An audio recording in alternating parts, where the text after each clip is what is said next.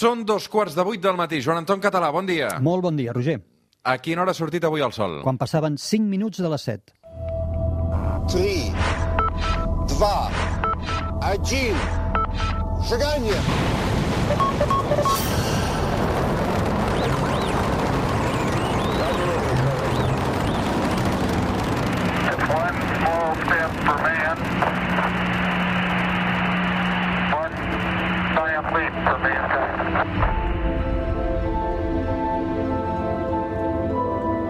Joan Anton Català, com va la vida? Molt bé, Roger. Això és la Terra es plana, la veu científica del suplement cada diumenge a l'hora que surt el sol, o una mica més tard ara, perquè els dies cada dia s'allarguen més. Senyal que s'acosta la primavera, Joan Sí, Anton. senyor, estem, estem quasi, quasi. Ciència, astronomia, astrofísica, química, una mica de tot, però amb la pedagogia i el sabor a fer sempre del, del Joan Anton Català. Avui, Joan Anton, és 14 de març de 2021. Així d'entrada, dius, bé, mm, no ens diu res aquesta data, però és que fa exactament 142 anys que va néixer un dels genis més grans de tota la història. El 14 de març de l'any 1879 va néixer Albert Einstein, un home a qui la ciència i l'astronomia li deu anys d'història i reconeixement i també alguns dels descobriments més importants, Joan Anton. Sí, eh, no només això, sinó fixa't quina coincidència això que deies. Ah, mira, el 14 de març. Doncs va néixer Einstein, va morir Stephen Hawking, un 14... Què dius? Sí, un 14 de març del 2018, va moure... Fixa't quina, quina coincidència, eh? El pobret Sí, sí, sí. Stephen Hawking, amb la seva ironia, diríem que va triar perfectament el dia de la seva mort per fer-lo coincidir amb el dia en què havia nascut Albert Einstein. I, a més a més, eh, avui és el Dia Internacional del número pi, dedicat al pi, perquè, clar, 3,14 15, 9, bla, bla, bla, doncs 3,14 és març 14, 14 de març, el Dia Internacional del número pi. Mira quines coincidències. Doncs 14 de març, una data assenyalada també al calendari, però avui, a la Terra es plana, ens centrarem en la figura del geni, d'Albert Einstein. A veure, Joan Anton, segurament avui eh, ens costa trobar algú que no sàpiga qui és Albert Einstein, eh, però mm, tothom el vincula a la teoria de la relativitat, però hi, hi ha més vida més enllà de la teoria de la relativitat pel que fa a Albert Einstein, no? Oh, i tant, i tant. El que tu deies, tothom més o menys diu, ah, la relativitat, tot i que molts no sabem exactament què és això de la relativitat, perquè són termes o, diríem, coses complexes, i associem a, a l'Einstein, però en realitat hi ha molta més cosa que ho anirem veient. D'entrada, ja dir-te que la relativitat són dues coses. Hi ha la teoria de la relativitat espacial, i la general, que explicarem, intentarem explicar-ho d'una forma molt senzilla perquè la gent ho pugui, ho pugui entendre. També dir que, mm, curiosament, Einstein, l'únic Premi Nobel que va guanyar, no el va guanyar per la relativitat, fixa't, això que normalment l'associem, el va guanyar per una cosa que es diu l'efecte fotoelèctric, que és responsable, entre moltíssimes altres coses, que tinguem càmeres de fotografia digitals, incloses les que tenim dins el mòbil, això ara també ho explicarem, però jo, si hagués de destacar alguna cosa característica d'aquest home, d'aquest genial científic de l'Einstein, no serien pas els seus descobriments, sinó com els va fer. Ell mai va fer cap experiment. El seu experiment era el cap, un llapis i un paper, o una pissarra i un guix. És dir, a partir d'unes aparentment inofensives coses que ell es plantejava, deia, i què passaria si? I això, aquest exercici en alemany, es coneix com Gedanken Experiment, que vol dir això, experiments mentals. I Einstein és el creador d'aquesta forma. Diu, jo no faré cap experiment, jo el que faré és raonar, pensar, pensar, pensar i plantejar-me què passaria si, i ara anirem veient què passaria si algunes coses, i d'aquí va derivant quasi res, doncs tota la seva teoria de la, de la relativitat.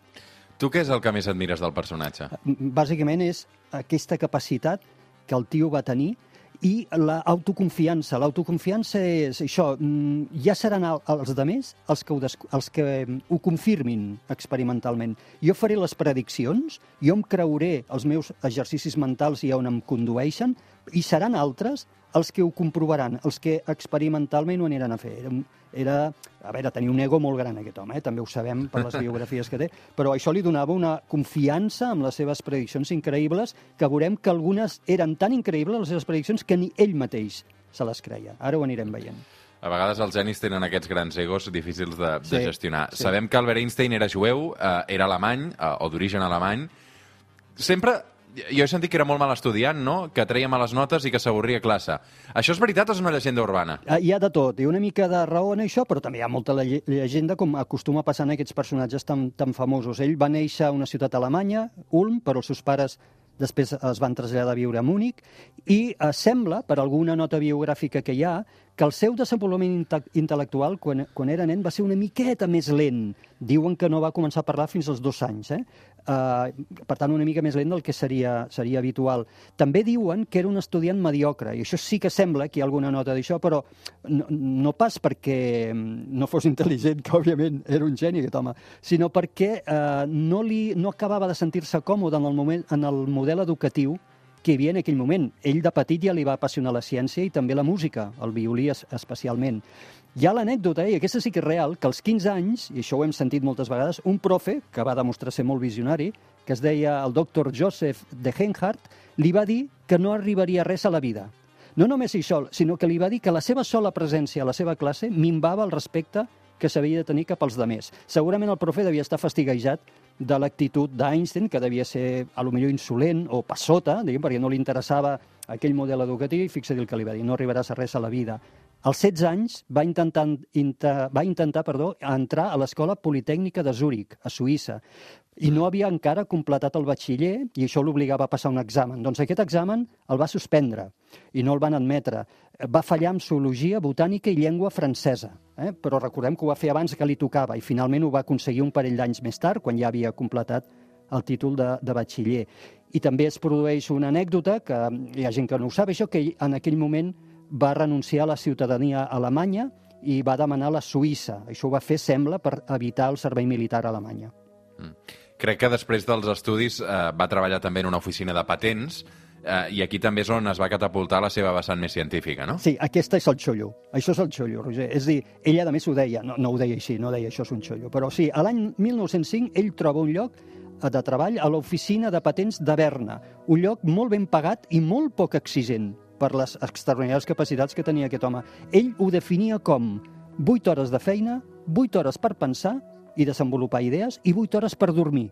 Per tant, era el lloc ideal, ben pagat, en una feina que era revisar patents d'invents que hi havia allà i comprovar que, que eren originals i documentar-los, i la resta per pensar. I va ser treballant en aquesta oficina de patents que Einstein comença a desenvolupar les seves grans teories, bàsicament a l'efecte fotoelèctric, que havíem dit eh, al començament, que és el que li va mereixer el Nobel. Eh, en aquell moment també naixia, recordem, la, la mecànica quàntica, era un moment dolç per la física, estaven naixent un munt de coses alhora, i ell eh, intenta pensar com és una, un efecte que ja s'havia descobert abans, que quan la llum incideix, diríem, toca contra determinats metalls, es produeixen corrents elèctriques. I ell deia, com, com pot ser això? Com pot ser això? I arriba a la conclusió de que això s'explica amb la quàntica, entenent a la llum també com no només ones, sinó com partícules. Això hi havia hagut també un científic francès, que es deia Louis de Broglie, que és el primer que va pensar això. I Einstein ho aplica aquí i diu, clar, al fer incidir un raig de llum contra un metall, com que la llum també són partícules, aquestes partícules de llum xoquen contra els electrons del metall, desprenen els electrons i això produeix corrent elèctrica. Bàsicament, eh, Roger, imagina't, això és la base amb què funcionen les nostres cèl·lules fotoelèctriques, vol dir càmeres de fotografia digital i molts instruments que capturen llum i mesuren aquesta llum i la transformen en corrent elèctrica. Això, com et deia, li va valer el Nobel de Física l'any 1921. L'any 1905, uns quants anys abans, eh, va ser molt fructífer per Einstein, perquè, de fet, va publicar les primeres bases del que ara coneixem com la relativitat espacial, no? Sí, també treballant a l'oficina de patents. Eh? Fixa't la de temps que, i la, la capacitat que li donava de treballar amb els Gedanken experiments aquests que dèiem abans. Ell publica en 1905 un primer article que establia aquesta base del que avui entenem com relativitat espacial.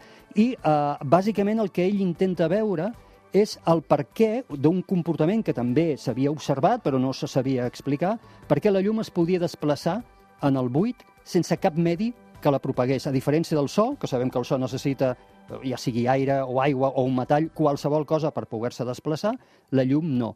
I ell, pensant en tot això, va començar a fer deduccions i, sobretot, en aquests Gedanken experiments, es va plantejar què passaria a l'univers, què passaria si la llum, la velocitat de la llum, fos constant? Va dir, a veure, i això a on ens conduiria?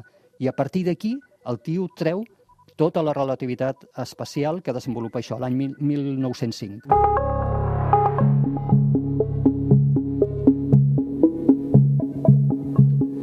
D'alguna manera tot això que estàs explicant, Joan Anton, eh, trencava amb els esquemes del que sabíem fins aleshores, no? Sí, molt ràpidament, perquè ho entenguem on porta aquesta deducció. Fixa't, si nosaltres, el que, el que hem estudiat nosaltres és que si anem a, amb dos trens, un encarat cap a l'altre, és a dir, en direcció, un contra l'altre, sumem les velocitats. És a dir, quan, quan xoquin, sumarem les velocitats. Si un anava a 50 km per hora i a la- a l'altre anava a 100, quan xoquin, el resultat serà com si anessin a 150 km per hora. Però fixa't, Einstein diu, no, no, un moment, un moment, què passaria si la llum es mogués sempre a la mateixa velocitat? Llavors no sumaríem velocitats. Imaginem aquests dos trens que estan un encarat contra l'altre, un a 50 km per hora i l'altre a 100, i un llença un feix de llum cap a l'altre tren.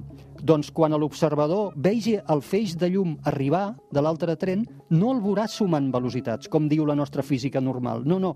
Einstein diu, què passaria si sempre l'observés igual, a la mateixa velocitat, en independència de la velocitat a la que es moguin els trens, de si venen, de si van, és igual, sempre la velocitat de la llum és constant. Clar, això trenca tots els esquemes de la física d'aquell moment, de la física clàssica. No sumen velocitats. La llum no se li sumen velocitat. La llum sempre, sempre, sempre, la seva velocitat és constant. I això, a partir d'aquí, treu un munt de deduccions que s'han anat comprovant, diríem, a la natura, que ens expliquen molts dels comportaments que té l'univers i la natura. I aleshores va ser quan eh, va arribar una de les seves equacions més famoses, no? Sí, la famosa E igual a mc quadrat, energia igual a massa per velocitat de la llum al quadrat. Moltes samarretes de l'Einstein porten aquesta fórmula. Jo penso que deu ser de les fórmules més conegudes, tot i que molts no sabem exactament què vol dir. Bàsicament el que vol dir la fórmula és que energia i massa i matèria són dues cares de la mateixa moneda i que una es pot convertir a una altra. Bàsic el funcionament de les nostres centrals nuclears, el funcionament dels sols, de les estrelles, en base de la fusió nuclear, utilitzen constantment aquesta forma, fórmula transformant matèria en energia. I això arriba a partir de tota aquesta deducció de la llum. Imagina't, eh? què passaria si la llum, doncs a partir d'aquí treu tota la seva teoria de la rela- relativitat especial que acaba donant fórmules com aquesta. I finalment arriba a la relativitat general, que no deixa de ser el model que, que explica com funciona la, la gravetat, no? Com ho descobreix, això? Com hi arriba Albert Einstein? també hi arriba pensant, i aquesta és, aquesta és la gran teoria. De fet, fixa-t'hi, l'altra es diu relativitat especial, perquè és com un cas particular del que ara farà, de la relativitat general, que és generalitzar tot això que ell havia estudiat a l'any 1905. Això fa, ho publica al 1925. Comença a publicar una sèrie d'articles i en unes conferències que fa a l'Acadèmia Prussiana de les Ciències eh, comença a presentar aquesta gran teoria, que és la teoria que ens acabarà explicant com funciona la gravetat. I es carrega, perquè ens entenguem, es carrega el model un altre cop clàssic, pobre Newton si ho veiés, que diu la gravetat ja no és cap força de la natura, és no, tan sols una deformació de l'espai-temps. És com l'espai-temps com una tela elàstica, ho hem explicat molts cops, on hi posem una bola pesant i aquesta deformació que aquesta bola fa sobre la tela, això segons l'Einstein és la gravetat. I la qüestió aquí és que torna a fer-ho només raonant. El tio no fot cap experiment. I, bàsicament, la gran idea, que ell alguna vegada la bateja com la gran idea de la seva vida que l'inspira en això, és pensar a una persona, per exemple, posada, pensem-ho ara nosaltres, posada dintre un ascensor, d'una caixa o d'una nau que no té finestres. I eh, et dorms, no saps si te n'has anat, si te n'has enlairat o no. I llavors et despertes i et diuen, com saps si t'has enlairat? I el que estàs notant és que tu peses, que tu tens pes i estàs normal, no notes res diferent. Pots sospitar dues coses. Una, no m'he enlairat, segueixo estant aquí a la Terra a la base i encara no m'he enlairat. Dues, m'he enlairat i l'acceleració que tinc és idèntica a la gravetat de la Terra i per això noto el meu pes. Però no hi ha forma humana de distingir si t'estàs movent o estàs parat a la Terra. I aquesta, pensant en això, és quan ell dedueix tot el comportament de la gravetat i aquesta teoria de la relativitat general.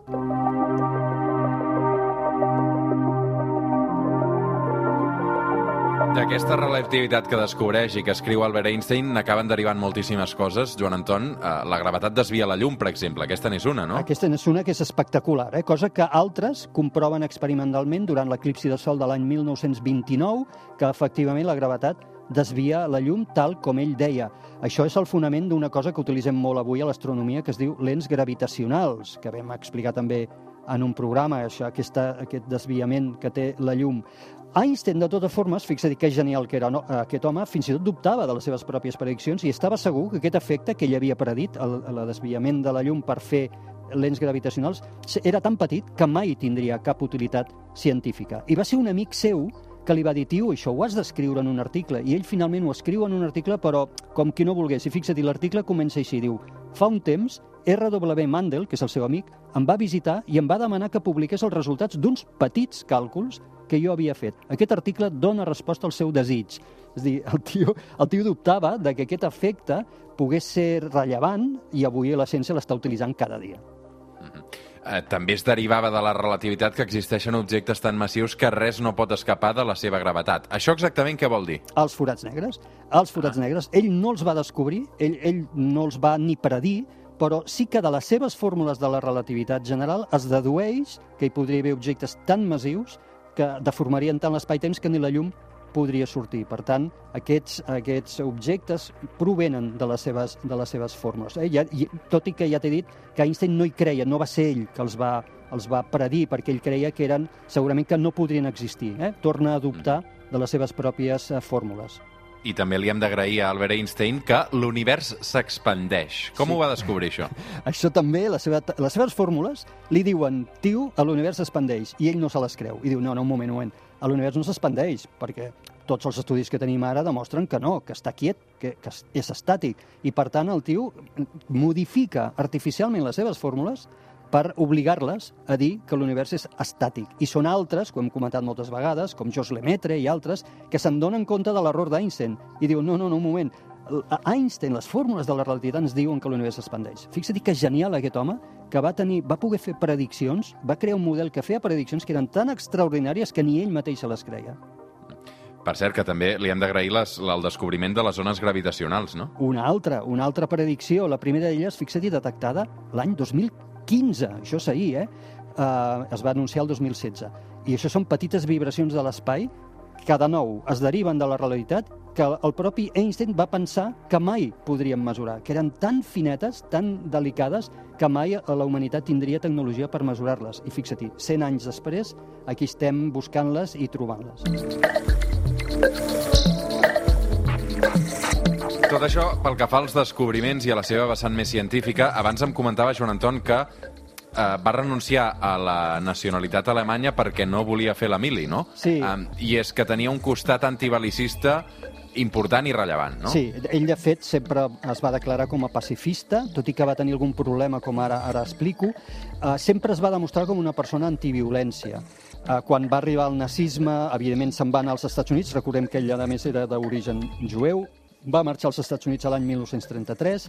Uh, quan va començar la Segona Guerra Mundial sembla que va advertir a, a Roosevelt, el president americà, que els nazis estaven construint una arma nuclear. I sembla que això va acabar d'ajudar que els americans posessin la directa i desenvolupessin ells abans uh, la bomba nuclear. A partir d'aquí, en alguns foros, i se li va una mica penjar el tema a l'Einstein de que era el pare de la bomba nuclear, una cosa que amb ell el va mortificar tota la vida, aquesta associació que es va fer, per això que acabem d'explicar, entre ell i la, i la bomba nuclear, el va mortificar. Uh, va ser un jueu, ho dèiem, però a més un jueu actiu, que no va renunciar mai, diríem, als seus orígens, i fins i tot Israel, a l'estat d'Israel, l'any 1952 el va proposar, se'l va proposar que s'incorporés com a president, una cosa que ell d'Israel em refereixo, una cosa que ell va, va rebutjar. I durant els, els darrers anys de la seva vida va impulsar un moviment científic per oposar-se directament a l'ús de les armes nuclears. Escolta'm, i quan va morir, eh, ell no volia donar el cos a la ciència, no? No, a veure, no és que no el volgués donar, ell va dir s'ha escrit que volia ser incinerat. Eh? I, sí. I què passa? Que, clar, va morir a Princeton a l'edat de 76 anys i sense cap mena de permís ni autorització, el patòleg que li va practicar l'autòpsia li va extreure el cervell i se'l van dur, sense cap mena d'autorització. I això, després aquest cervell ha anat donant toms per laboratoris, per, per estudis, però tot això, com et dic, sense... A veure si era, si era diferent a la resta. Sí, sí, sí, sí. però tot això sense cap permís de l'Einstein. Einstein havia dit clarament que ell, escrit en testament, que ell volia ser incinerat, volia ser cremat. Avui un record també per la figura d'Albert Einstein, avui que és 14 de març del 2021 i que es compleixen 142 anys que, que va néixer, un record que hem volgut fer amb el Joan Anton Català. Fem un cop d'ull cap al cel. Hi